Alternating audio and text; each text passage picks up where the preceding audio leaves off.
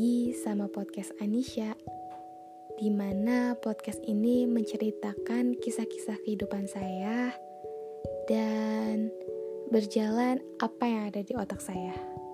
Hmm, oke, okay, langsung aja. Suatu saat nanti saya akan pergi bersama pasangan saya yang saya cintai. Saya pergi ke tempat yang sangat amat menenangkan tempat yang sejuk, dengan pepohonan, dengan angin dan burung yang saling bersiul, sambil melihat air yang tenang, melihat awan biru yang panasnya tidak menyorot. Sebut ia yang sedang menunggu, menunggu untuk diketuk hatinya lagi. Ia yang menjadi pemilih karena memiliki standar sendiri, standar yang berbeda dengan sekedar tipe fisik belaka.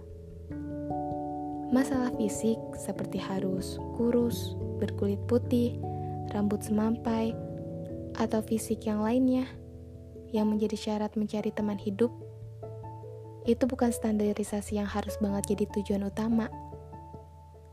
Tunggulah orang yang memang bisa membuktikan rasa cintanya kepadamu, yang mengasihi tanpa menaruh harapan yang masih angan-angan. Tunggulah ia yang mendukung kamu. Tunggulah ia yang selalu memperhatikan hal-hal kecil. Tunggu ia yang selalu menghargai dan memaknai hidup. Tunggu ya, sabar. Saya yakin pasti ada. Ada seseorang yang akan selalu jadi tempat pulangmu. Seperti halnya rumah dalam wujud manusia rumah yang memberikan rasa aman dan nyaman.